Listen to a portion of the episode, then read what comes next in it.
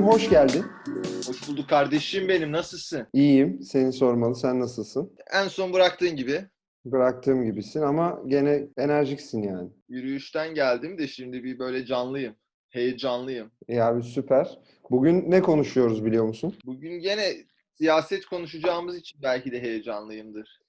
Siyaset konuşacağımızı kırmızı ışıktan mı anladın yoksa tahmin mi ettin? Kırmızı ışık zaten bu Rahat Ağa Özel'in biliyorsun sembolü değil miydi? Kesinlikle sembolü. Evet. Evet abi bugün Kemal Kılıçdaroğlu'nu mu konuşacağız acaba? Kılıçdaroğlu'nu konuşabiliriz gibi. Kendisinde liderlik vasfı olmadığı için Kendisinde liderlik vasfı yok maalesef. Kemal Kılıçdaroğlu aday olacak mı? Sevgili Asaf Bodil. olmayacak abi. Yani kısaca olmayacak. Uzunca söylemek gerekirse belki de erken seçime değil de gene normal 2023'te seçime gideceksek belki genel başkan bile olmayacaktır yani. Belki genel başkan bile olmayacak diyorsun. Peki Kılıçdaroğlu'nun bu açıklaması şu anki siyasetçiler kullanmış gibi duruyor görüyorum ben. Sanki şey gibi bir hava oldu. Allah'ım inşallah Kemal Kılıçdaroğlu aday olur gibi bir hava oldu özellikle hükümet tarafında. Bunu nasıl yorumluyorsun? Sanki istiyorlar gibi değil mi? Yani ezer Abi- geçeriz gibi bir mantık var. Videonun kendisinde hani o Kılıçdaroğlu'nun bütçe mevzusunda mecliste Evet. yaptığı konuşmada konuşmayı şey diye bölüyor AKP'li sıralar. E, Aday ol, aday ol, aday, aday ol falan diye bölüyorlar zaten konuşanın bir yerinde. Herkesin öyle bir rahatlığı var yani. Bu, bu ülkenin bence en büyük trajedisini çok güzel gösteriyor bu. Mevzu buna indirgendi. Yani Kılıçdaroğlu, daha doğrusu Recep Tayyip Erdoğan diye bir adam var. E, seçimde yenilmiyor. E, hikaye bu mu? Yani bu siyaset bu mu? Tavuk dövüşü mü? Horoz dövüşü mü yani? Ya bu bu bana mesela çok aslında orada bir böyle acının tatlı tebessümü yarattı bende o. Aday ol, aday ol mevzuları ya. Siz vekilsiniz lan. Hepinizin bir amacı var. Ne oldu buraya?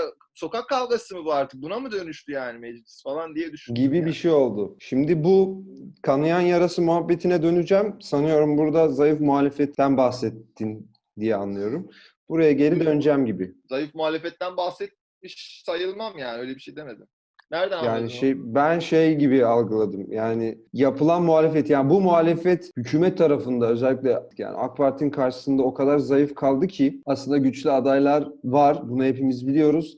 Ama Kılıçdaroğlu'nu rakip olarak görmek bence Türkiye'nin diğer tarafından başka bir kanayan yarası. Zayıf muhalefet. Şimdi sana diyorum ki CHP Genel Başkanı aday olmayacak. Şimdi aday çıkartacak mı yoksa ittifak adayı mı olacak diye bir soru soracağım ama ondan önce şunu sormak istiyorum. Kimler ittifak yapar?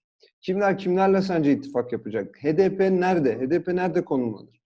HDP'nin hali ne olacak? Biraz pasifler bu ara. Ne yapacaklarını da tam kestiremiyor gibiyiz. Kimler kimlerle ittifak yapar? Önce bunu merak ediyorum. Çünkü e, artık muhalefetin de güçlü adayları var. Biraz onların üzerinden de gideceğiz. Yani bu zayıf muhalefet konusu benim için o yüzden önemli. Mesela şöyle ittifak konusu bir seçenekle açıklanamıyor. Çünkü mesela her gün yeni bir opsiyonun olma ihtimali var. Yani MHP ile AKP'nin arası bozulursa yeni bir senaryo konuşuruz. Erken seçimde yeni bir senaryo konuşuruz. 2023'e gidiliyorsa yeni bir senaryo konuşuruz. Amerika yaptırım uygularsa yeni bir senaryo konuşuruz. O yüzden çok değişkenli bir konu. Ben genel bir cevap vermeye Evet, çalışacağım. dinamik. Biz biraz statik ilerleyelim. Evet. Şöyle, e, normal şartlarda bütün muhalefeti yani AKP ve MHP'yi dışarıda bıraktığın zaman bütün muhalefeti bir araya getiren dinamik oluştu. O da parlamenter sisteme geçiş. Bu dinamik sayesinde bunların hepsi, HDP de bunun içinde, birbiriyle ilişki kurabiliyorlar. Bunun medyaya yansıyan hali yani el ele tutuşmaları konusunda HDP biraz dışarıda kalıyor olması ayrı bir tartışma konusu. Onun farklı gerekçeleri var.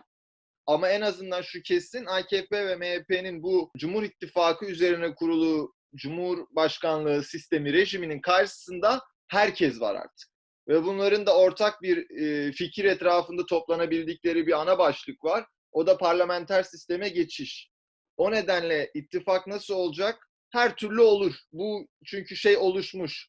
E, bu idea en tepeye koyulmuş. Biz diğer konulara çok girmesek bile birimiz milliyetçiyiz, birimiz HDP'yi sevmiyoruz falan. Ama sandık önümüze geldiği zaman bu ittifak yapacağımızdan herkes emin gibi bir e, dinamik var. O oturmuş. Ama şöyle de bir durum çıkıyor.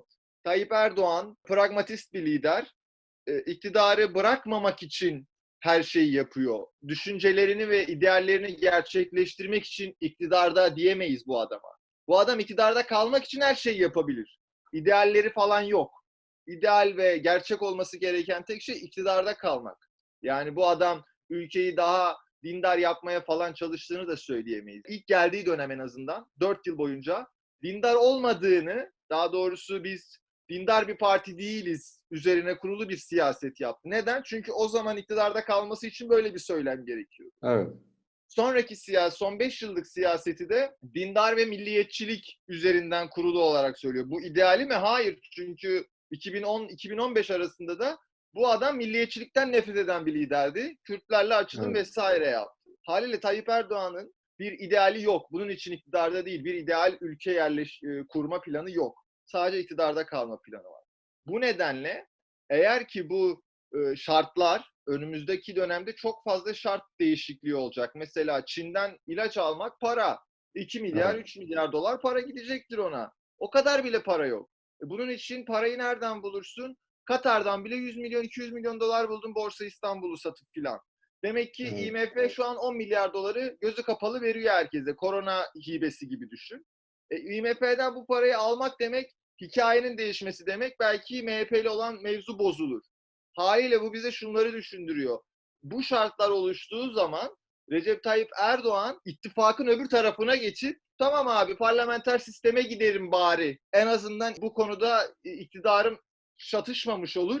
Bir seçim daha hakkım olur. En azından bir do- dostu kaybederim ama başka dostlar kazanma şansım oluşur gibi bir dinamiğe itebilir. O nedenle sadece Recep Tayyip Erdoğan'ın karşısındaki ittifakı değil, Recep Tayyip Erdoğan'ın da belki bu ittifaka dahil olabileceği bir şey konuşabiliriz ilerleyen günlerde. Ya ben zaten öyle sordum. Reise karşı kimler ittifak olur değil de kimler kimlerle ittifaklık yapar daha sonra nasıl ilerler diye. Ama şöyle bir soru soracağım. Yani tabii ki bu bir siyaset, politika. E, Bundan sonra MHP dışında herhangi bir var olan partinin e, AK Parti ile ittifak yapabileceğini düşünüyor musun? Böyle bir ihtimal var mı sence? Genel olarak şeydeki hikayenin gerçekleşebileceğini düşünüyorum. Ya mesela parlamenter sisteme geçiş müjdesi birilerinin yanına alır mı? Birilerini yanına almaz.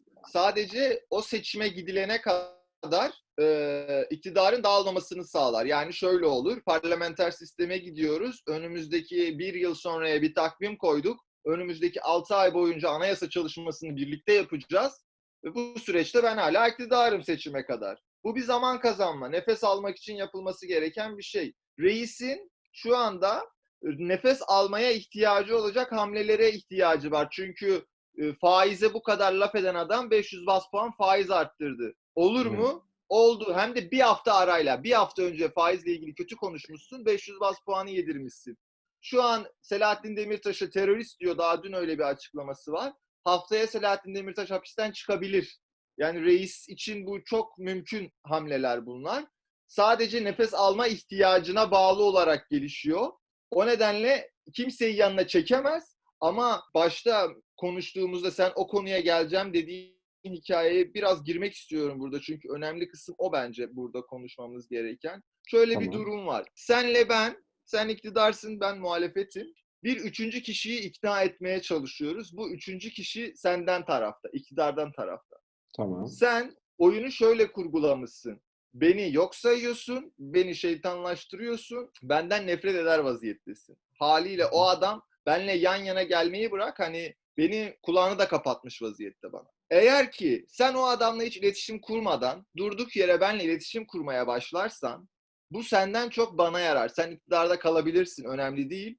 Ama o kişinin artık gözünü kapatmadığı ve hatta sana haber vermeden benle gelip kahve içmeye gittiği gerçekler yaşanmaya başlar. Çünkü sen oyun bozanlık yapmış oluyorsun o andan hı. itibaren.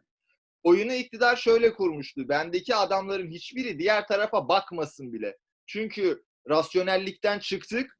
Çok sıra dışı şeyler anlatıyorum ben artık. Age of Empires gibi bir dünya kurgulamışım. Medyada da bunu dillendiriyorum. Onlarla asla diyalog bile kurmamalı. Ama eğer sen gelip benimle diyalog kurmaya başlarsan o adam da beni dinlemeye başlar ve rasyonelite kazanır buradan sonra. Çünkü Age of Empires çok komik bir hikaye. Ancak Evet. kimseyi, ancak insanları fanusa kapatırsan bu hikaye bir şekilde sürdürülebilir oluyor. O nedenle demeye çalıştığım iktidarla yan yana gelmiş gibi yaparlar. Yani İyi Parti'nin milli bir partidir diye ilan edilmesi aşırı yaradı İyi Parti'ye. Şu an %17'lerin konuşulduğu anketler var. İyi Parti %8, 9, 16 Evet. çıkıyor, 14 çıkıyor denebiliyor. Çünkü o andan itibaren lan biz bununla da konuşabilirmişiz gibi bir şey yaratılıyor ve o üçüncü kişiyi e, senin oyun bozanlığı ikna ediyor bir anda. O yüzden bu kısım önemli. İktidarla yan yana gelebilirler mi dediğin AKP ile yan yana gelecek bir parti var mı? Bu nedenle var. Çünkü oyunun kurallarının değişmesi lazım. Bu şartlar altında seçilemez hiç kimse. İktidarın Anladım. hiçbir seçmenini çalamazsın bu şartlar altında. Anladım. Şimdi şöyle bu kadar reis saltanatından bahsediyoruz. Eğer ki tabii ki bu erken seçim ya da 2023 seçim olursa farklı senaryolar olacak. Onu da konuşacağız ama bu saltanatı zorlayacak sence en mantıklı yöntem tek bir çatı aday altında toplanmak mı yoksa her ittifakın kendi adayını çıkartması mı olur? Yani tabii burada birinci tur ve ikinci turu düşünerek konuşmak lazım. kesin olan bir şey var yani öncelikle. Seçmenlerin davranışları mesela şöyle bir şey olur. Ben e, yapmak istediğim bir şey vardır.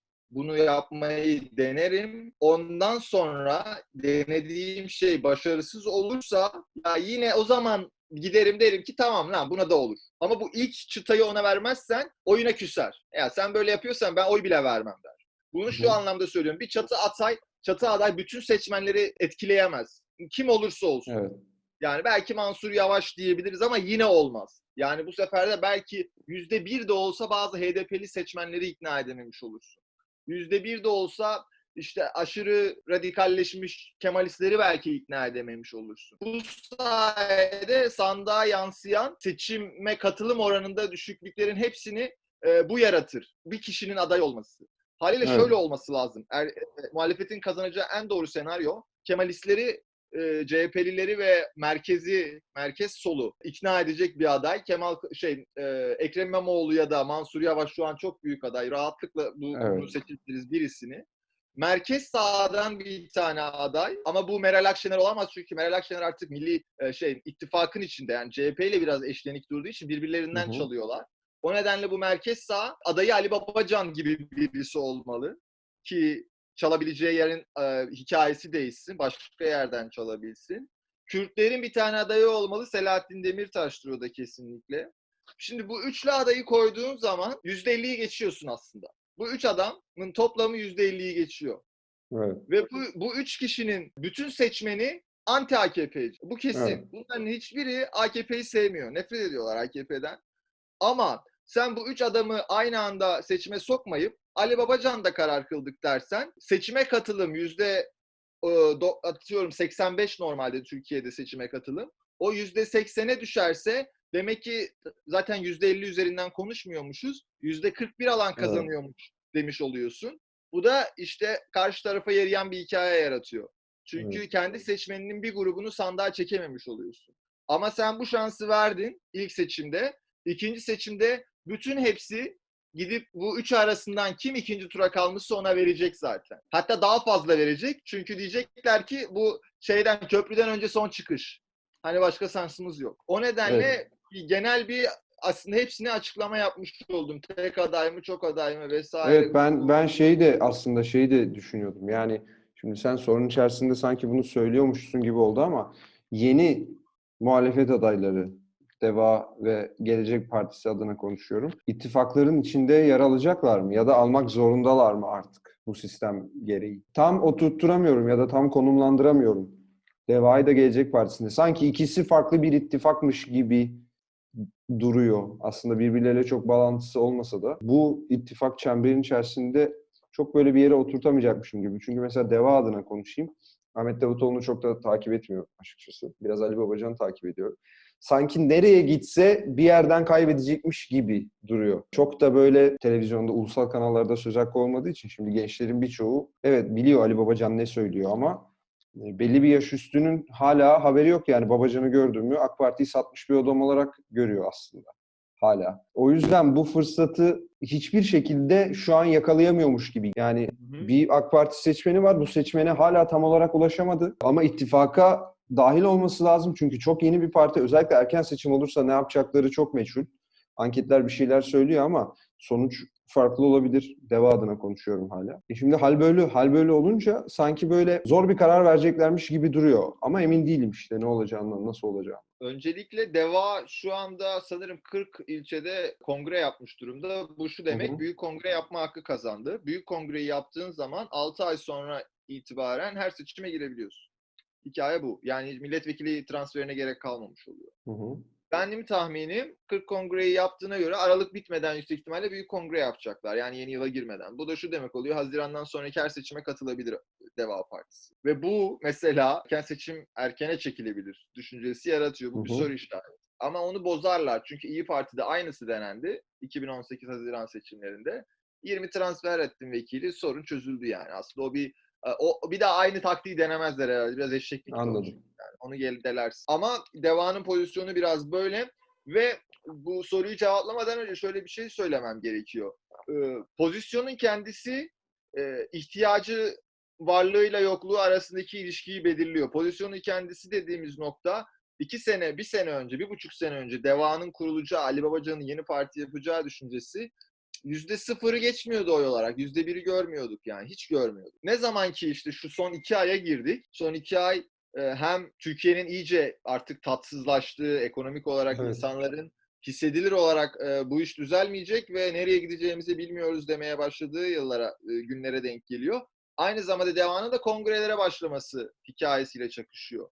Bunlar birbirini doğru kovalayan politikalar.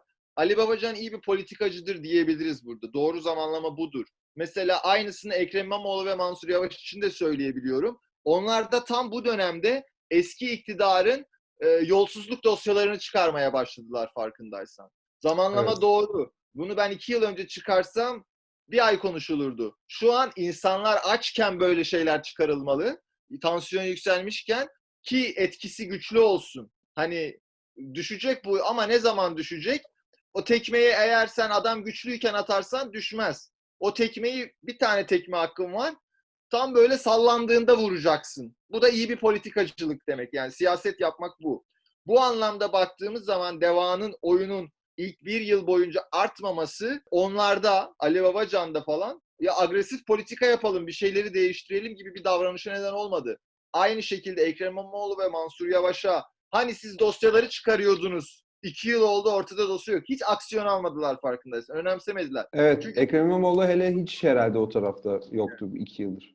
Aynen. Ama şu an başlıyorlar farkındaysan. Bu iyi siyasetçilik, zamanlamayı doğru kovalamak, tekmeyi doğru yerde atmak adımları olarak okunabilir bence. Bu da şunu yaratıyor. Hani Deva'nın pozisyonu ne olacak ve bundan sonra nasıl gidecek hikayesinde. Burada bir virgül koymak istiyorum. Burada özür Tabii. diliyorum. Burada hemen bir virgül koyayım. Şöyle de bir sorun var. Bu soruyu cevaplarken erken seçim senaryosu ve 2023 seçimi senaryosunu ayrı ayrı değerlendirmek istiyorum. hareketlerini hani dedik ya Deva demek ki iyi bir siyaset yapıyor şu anda. Ne yaptığının farkında yapıyor. Ve haliyle Deva şuna hazırlanıyor be- be- belli ki. 2021 Haziran'ından sonra erken seçim olabilir. Ya da kongreleri hemen yapmamalarının bunu işte bu döneme hani Aralık sonu yaparız zaten bu, bu iktidar bir şekilde bu zamana kadar getirir hikayesi. Demek ki öngörülü davranmışlar. 2021 Haziran'dan sonraya hazır olmamız lazım diye bakıyorlar demek ki olaya diyebiliriz. Aynısı e, Ekrem İmamoğlu ve Mansur Yavaş için de geçerli diyebiliriz. Çünkü farkındaysa son tekmeyi attıkları döneme gelmişiz onların da. Çünkü yolsuzluk dosyaları yavaş yavaş ortaya çıkmaya başladı. Demek ki insanlar 2021 sonuna ya da belki de 2022'de mutlaka seçim olacağını düşünüyor. Avrupa Birliği artık yaptırıma başlayacak. Amerika'da kağıtsa e,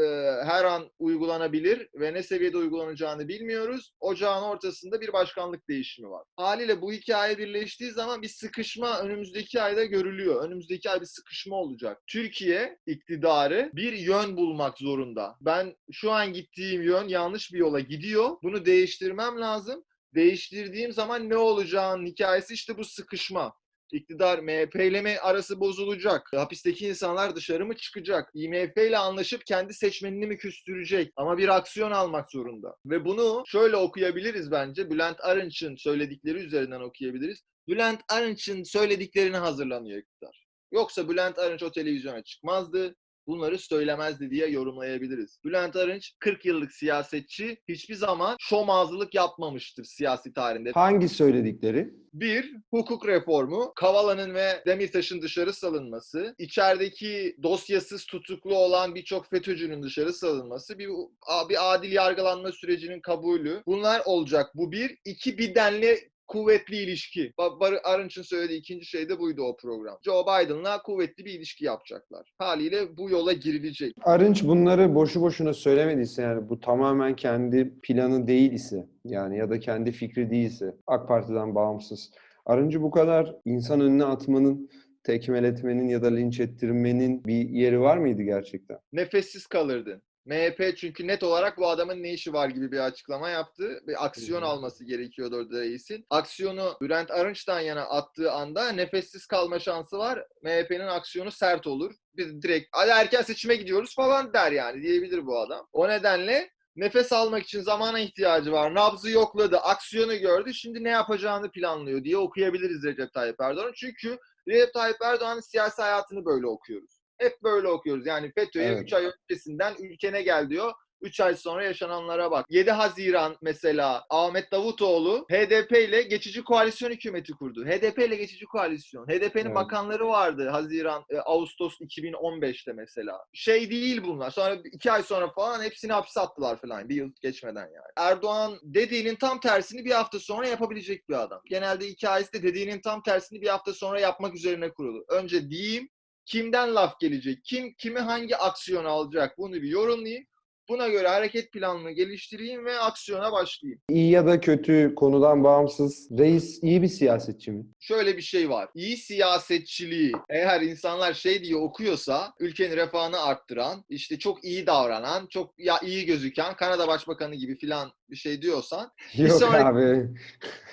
İyi siyasetçi demenin bu olduğunu kim düşünüyor? İyi baş, iyi bir insan denebilir. Yani iyi siyasetçi seçim kazanan adamdır benim benim gözümde. Seçim kazanıyorsan iyi bir siyasetçisindir. Recep Tayyip Erdoğan en son kaybettiği seçim 1991 yılı. O günden beri hiç kaybetmiyor adam. Hiç kaybetmedi abi. ben Yani o de yüzden- aslında böyle düşünüyorum ve Tayyip Erdoğan hakkında özellikle kendi arkadaş grubum diyeyim. Bu tarz politik tartışmalar yaparken başarılı bir siyasetçi dediğimde ağır linç yiyorum ama ben de senin aynı fikirdeyim. Yani iyi bir insan demek değil bu. Başarılı demek. Yani iyi bir siyasetçi dediğin zaman 5 yıllık, 10 yıllık e, siyasi mevzusu üzerinden yorum yaptığın zaman Trump bile iyi siyasetçi gözüküyor. Çünkü neden? Onun hikayesine baktığın zaman 4 yıllık periyotta işsizlik en düşük noktalara geldi, istihdam en Evet. yüksek noktalara geldi Ya vesaire. onun, onun da aslında işte perde arkasında başka mevzular var. O nedenle diyorum bu iyi siyasetçi yorumu yapacaksak bunun bence matematiği seçim kazanmaktır.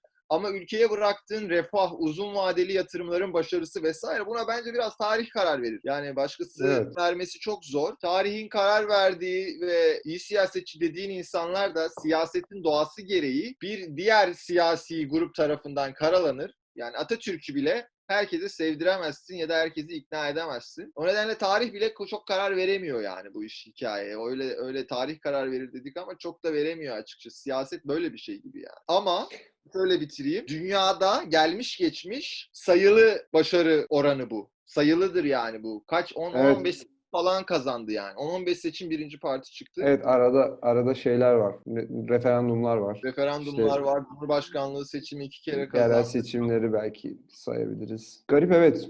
Değişik bir CV. Ve en güzel kısım bak mesela otoriter rejimlerdeki sıkıntı budur. Otoriter rejimlerde mesela Venezuela'da ya da işte Mısır'da da insanlar diyor ki otoriter rejimi yöneten adamın kendisi diktatör diyor ki ben seçimle geliyorum başa. Ben seçimle geldim yani diyor. Ama o seçime katılım oranı %38, %46 anladın mı? E, ö- tabii kimse çünkü oy kullanmıyor yani o kadar usulsüz bir ülkesin ki ya da insanlar o kadar korkuyor ki oy kullanmaya bile gitmiyorlar. Otoriter Evet. rejimlerde bile seçim olur ama böyle olur. Recep Tayyip Erdoğan seçime katılımın %85 olduğu bir ülkede %48'ler, %45'ler, %40'ın altına düşmediği bir ortam yarattı kendine. Evet. Tartışma konusudur bunu nasıl sağladığı. Çok kötü şeyler yaparak sağladı da diyebiliriz. Ama sağlayamıyor kimse abi. Adam sağlamış. Yani hem Evet. seçime katılım çok yüksek hem oy oranı yüksek. Çok zor bir iş bu. Şimdi ben bunu sürekli sorup duruyorum ama bununla ilgili sanki böyle tam bir özet yapmadık. En azından izleyen için böyle bir şey yapalım. Erken seçim senaryoları, 2023 seçimi senaryoları bununla birlikte sence gene saltanat kısmına dönüyorum. En mantıklı ikinci tur adayı, buna anketler de dahil kim olabilir? Kim olmalı? Erken seçim senaryosunda kim olabilir? kim olmalı? 2023 seçimi senaryosunda kim olabilir? Kim olmalı? erken seçim senaryosunda Mansur Yavaş olmalı derim. Çünkü Mansur Yavaş'ın şu anki popülaritesini sağlayan dinamik çok kuvvetli. Ülkede şey var, açlık var. Bununla birlikte açlığın yanında korona diye bir şey var. Bunun Evet. yanında bu adam Mansur Yavaş birinci bir şehirde değil. Yani İstanbul gibi bir şehirde değil. Ankara gibi bir şehirde. Yani en önde savaşan adamın derdi daha büyüktür. Anlatabildim mi? İkinci Evet. sırada çalışanın da derdi o kadar büyük olmamasına rağmen o kadar e, hype yapabilir yani. Çok iyi işler başardığını konuşabiliriz. Çünkü 10. sırada da değil. O da milyonlarla uğraşıyor. Ama işi daha kolaydı. Dördüncü, beşinci hikaye şeye geliyor. Bu adam Melih Gökçek'in arkasından geldi. Melih Gökçek'in AKP'liler tarafından bile sevildiği tartışılır. Geriye dönük yaptığı hamleler iktidar tarafından da çok zorlanmıyor. Hani iyi ya Melih'le uğraşıyorsan uğraş gibi bir algı da var bir taraftan. Melih'in küçük çetesi dışında. Bir de bir de gücü bölüyorlar gibi biraz anladığım kadarıyla. Yani Evet. şimdi bütün büyük şehirleri kaybettin. Hepsiyle birden aynı anda uğraşamazsın. Özellikle İstanbul gibi bir yer var. Orada sanki daha çok güç harcanması gerekiyor. O yüzden sanki Mansur Yavaş'ı da biraz tamam artık bu oldu ya da bu kazandı, bu yapıyor dediler gibi oldu ve daha çok sanki enerjilerini bu tarafa İstanbul'a kaydırdılar gibi düşünüyorum. Hatta Medya olarak. orada, orada yanlış bir hatta siyaset uyguluyorlar. Bunun farkında da değiller yani. Bu büyük aptallık. Şöyle yapıyorlar. Mansur Yavaş Cumhurbaşkanı ile bile görüştü. Ekrem İmamoğlu hala görüşemedi. Farkındaysa. Mansur Yavaş'ı bu kabul edildi. Aynı yerli ve milli denmesi gibi İyi Parti'ye. Mansur Evet. Yavaş'ı şöyle açıklıyorlar. Ekrem İmamoğlu'na laf ederken şöyle diyorlar. Bak Mansur Yavaş'a bir şey diyen var mı? Sen niye siyaset yapıyorsun kendi işini yapmak yerine? Ekrem İmamoğlu'na Evet. böyle yüklenen e, iktidar çevresi var. Bu şunu yaratır gene. Ya sen hani ne derler eldeki bulgurdan olmak durumunu yaratır. Sen böyle diye diye Mansur Yavaş'ı Ekrem İmamoğlu'ndan daha güçlü bir profil yapıyorsun. Ekrem Evet. İmamoğlu'nu engellemeye çalışırken başka bir tane rakip yarattılar kendilerine. O nedenle Mansur Yavaş şu anda erken seçim olursa en doğru aday olur. Çünkü bir karalanmıyor adam tam tersi yani. Sivriltiliyor. Ekrem İmamoğlu ile savaşırken Mansur Yavaş örnek gösteriyor iktidar çevreleri. İstanbul gibi bir zor bir ülkeden, zor bir şehirden ziyade Ankara'da aktivite yapıyorsun. işte refah sağlamaya çalışıyorsun. Sosyal belediyecilik yapıyorsun. Kısmen daha kolay bunu sağlamak. Çünkü İstanbul metropol doğru ama İstanbul biraz özel sektörün dinamizmi sayesinde de çok iyi döner sermaye yaratan bir şehir olarak okuyabiliriz. Ee, Böyle bir kriz döneminde aslında İstanbul'un en güzel bu şeylerinden yararlanamıyor. Bu imkanlarından. Turist bile gelmiyor. Bu imkanların hiçbiri yok. Ankara'da iktidarın olduğu, devletin olduğu, kamuların olduğu, kamu kurumlarının olduğu, sivil toplumun herkesin orada olduğu ve her zaman olacağı. Hani şartlar değişse de orada olacaklar. O nedenle o yapısı da korunduğu için daha az enerji kaybettiği böyle bir kriz ortamında haliyle şeyi daha kuvvetli. E, ulaşabilirliği, damarları hala kuvvetli yani. Çok az eksilme var. Ve böyle bir ortamda Melih Gökçek gibi bir adamdan sonra gelmişsin.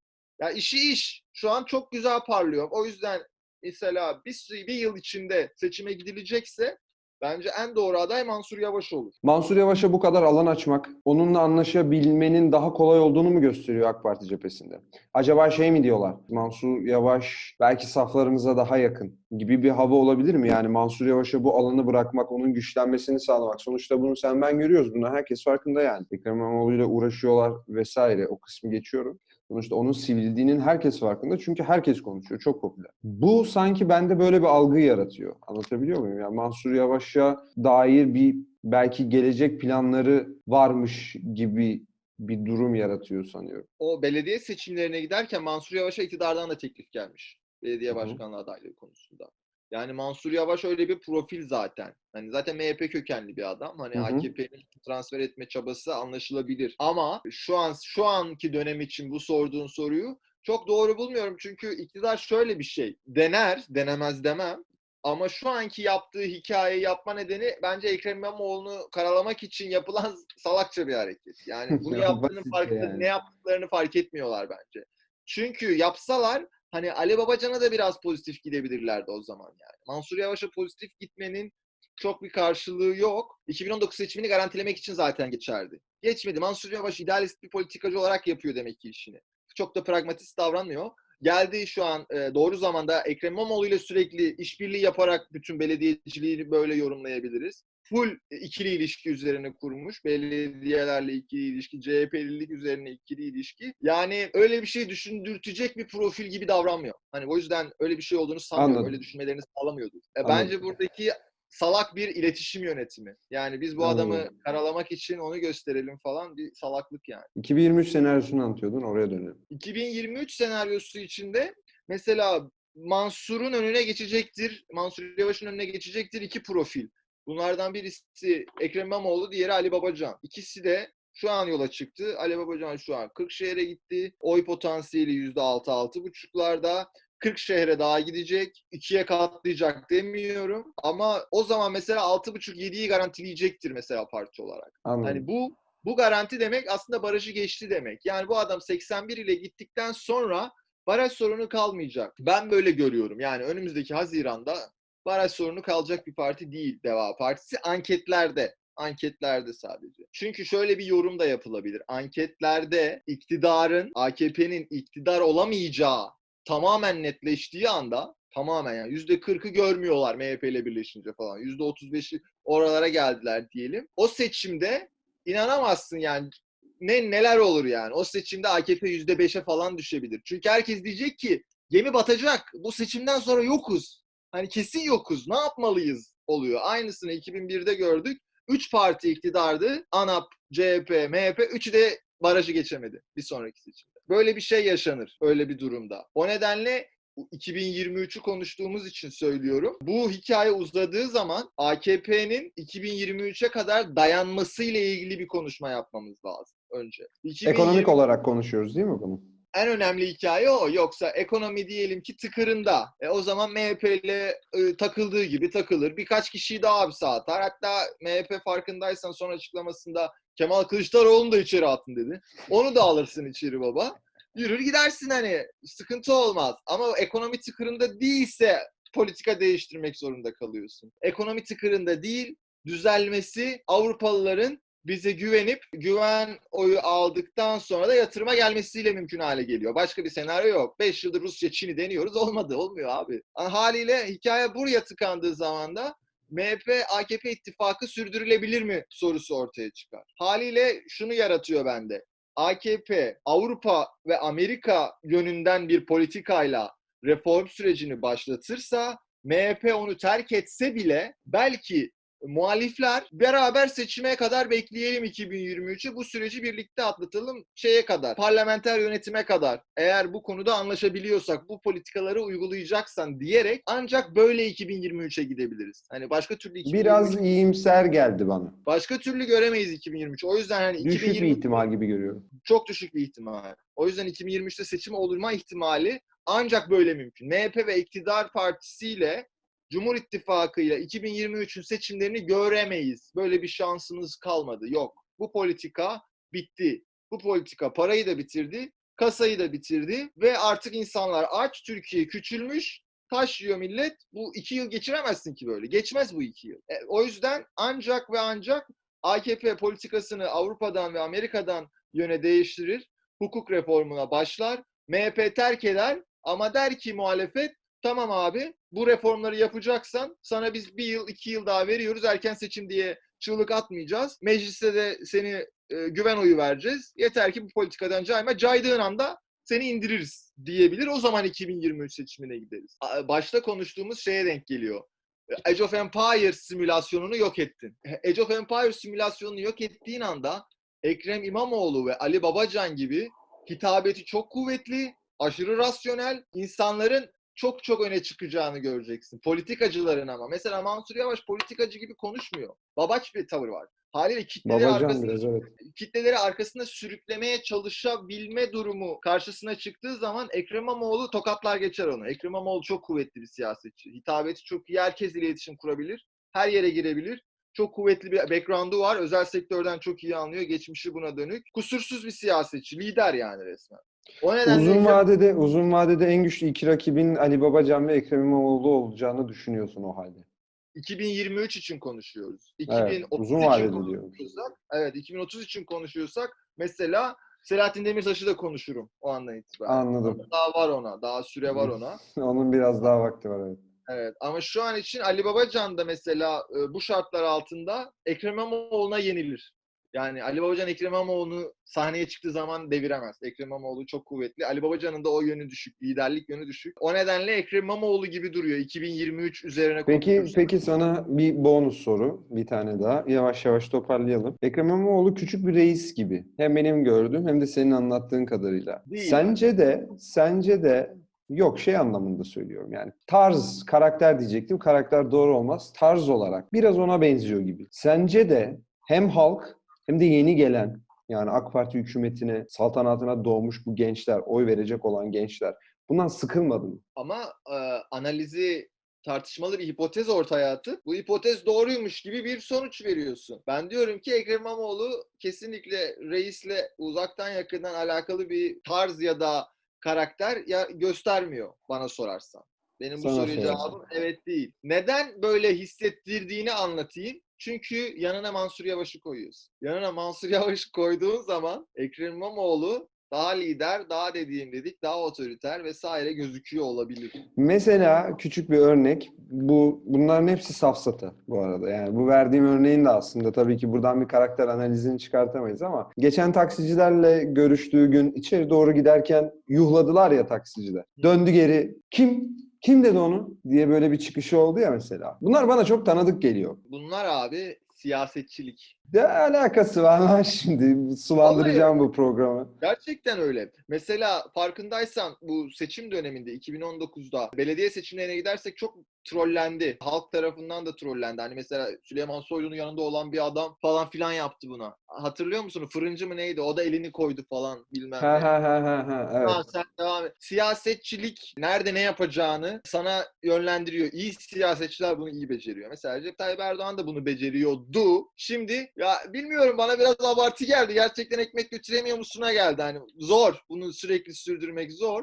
Ekrem Anladım. İmamoğlu bence bunu şu anda kusursuza yakın yapıyor. Her hamlesi doğru demiyorum. Ama her hamlesini ertesi gün ben bunu bu nedenlerle yaptım. Çünkü bak siz de bana hak vereceksiniz dedirtirecek şekilde yeni bir aksiyon gel- geliştiriyor. Ondan sonra yanlış bir şey yapıyor olsa sonra tekrar doğru yapıyor. Ama bu yanlışla doğru arasında gidip gelirken farklı insanlardan seçmen kazanmış oluyorsun. Yaptığın şey o. Hep aynı tarafı oynamaya çalışır genelde siyasetçiler ve bunun oy kazandırdığını düşünür. Hayır hep aynı tribünü coşturuyorsun. Ekrem İmamoğlu bunu yapmıyor. Bence iyi bir siyaset yapıyor. Taksicilere langır lungur yapıyor. Çünkü taksicilere bir langır lungur yapacak adam lazım. Anlatabiliyor muyum? Dolmuşçulara böyle adam lazım. Yoksa Ya seni bu- ezerler. Ya söylediklerin doğru ama mesela benim verdiğim örnek bir siyasetçilik örneği falan değil. Bu doğaçlama, spontane gelişmiş bir hareket yani. Orada aksiyonu nasıl aldığınla alakalı. Mesela yuhlayanlar atıyorum bir grup üniversiteli olduğu zaman kim dedi onu mu diyecekti sanıyorsun Ekrem İmamoğlu? Kay- Yo dinleyecek Yani Öyle demeyin der, anlatabildim mi? Ben böyle yaklaşıyorum. Çünkü izliyorum da Ekrem İmamoğlu'nun şikayet edilen davranışları bana nedense bence burada iyi da iyi bir siyasetçilik yapmış diye geliyor. Boş bulunmuş diye düşünmüyorum. bu konuyu hiçbir fikrim olmadan sordum. İşte ya Eko'da biraz e, reisse mi benziyor yoksa Eko'da çok iyi gibi duygularım yok yani. Ben çok nötr bir şekilde bu soruyu sordum. Kaç fikrim var onları söyledim. Beni rahatsız eden bir şey yok bu arada. Z kuşağını tam tanımıyor olabiliriz. Anlatabiliyor muyum yani? Bir sürpriz bir şeyler olabilir gibi düşünüyorum hala. O yüzden daha babacan, daha böyle senin dediğin gibi babaç, Ali Babacan gibi, Mansur Yavaş gibi kişilerin sanki gençleri daha fazla etkileyebileceğini düşünüyorum bu hayt huytlardan. Bu bir fikirdir sadece. Dinliyorum. Anlıyorum. Bir, iki, iki şey söyleyeyim o zaman. Bir sorduğun soruyla ilgili. Sorduğun soru gençlerin istediği şey bu mudur? Yoksa gençler hani falan. Gençler nedir biliyor musun? Peşine takılır gençler. Oğlum, Gençler dünyada ne istediğini en az bilen insanlardır gençler. Öyle söyleyeyim sana. O nedenle eğer e, birisi e, alkış topluyorsa, eğlenceli ise bitti. Kazanıyorsan, kazanma hissi veriyorsa sana bitti. Gençleri arkana alırsın. Ben gençler için çok az düşünüyorum. Gençleri eğer mutlu edebildiğin ölçüde gençleri kazanırsın. Recep Tayyip Erdoğan gençleri mutlu edemiyor. 5 yıl önce ediyordu. 5 yıl önce çok ne ve Şimdi bambaşka onu şeyler- söyleyecektim. Onu söyleyecektim. Bu söylediğin şeyler özellikle gençler hakkında yaptığın yorumlar ekonomi iyi olursa Evet. doğruluk payı yüksek olur. Şu an öyle bir durum yok. O yüzden söylüyorum bunu. Bunu biraz toparlayalım. Çok da şeyi uzatmayalım. bütün bu insanların işte Ekrem İmamoğlu'nun, Ali Babacan'ın, işte adayların, diğerlerinin yaptığı politika mesela HDP ile ilişkilendireceğim şimdi. Burada kurulmuş bir oyun var. Bu oyunun kurallarının da haricinde yaptığın davranışların bile çok önemli bir tarafı var. Çünkü o davranışlar bütünü değil senin mevzun. Oradan alınmış iki cümle bu başkalarına medyada farklı sunuluyor ve sen bu sefer o bütününle değil yine o parçanı tekrar toparlamak üzerine yeniden siyaset geliştirmek, aksiyon yapmak zorunda kalıyorsun. Böyle bir oyun içindeyiz. Türkiye böyle bir oyunun içinde. Oyunun hakemi de belli. Bu hakem oyunun kurallarını kafasına göre değiştiriyor. Sürekli hile yapıyor. Sürekli hile yapıyor. Ve böyle bir oyunu kabul etmek zorundasın. Çünkü oyun dışına çıkarsan cezanı verecek olan da aynı kişi. Oyunun dışına çıkma lüksün yok.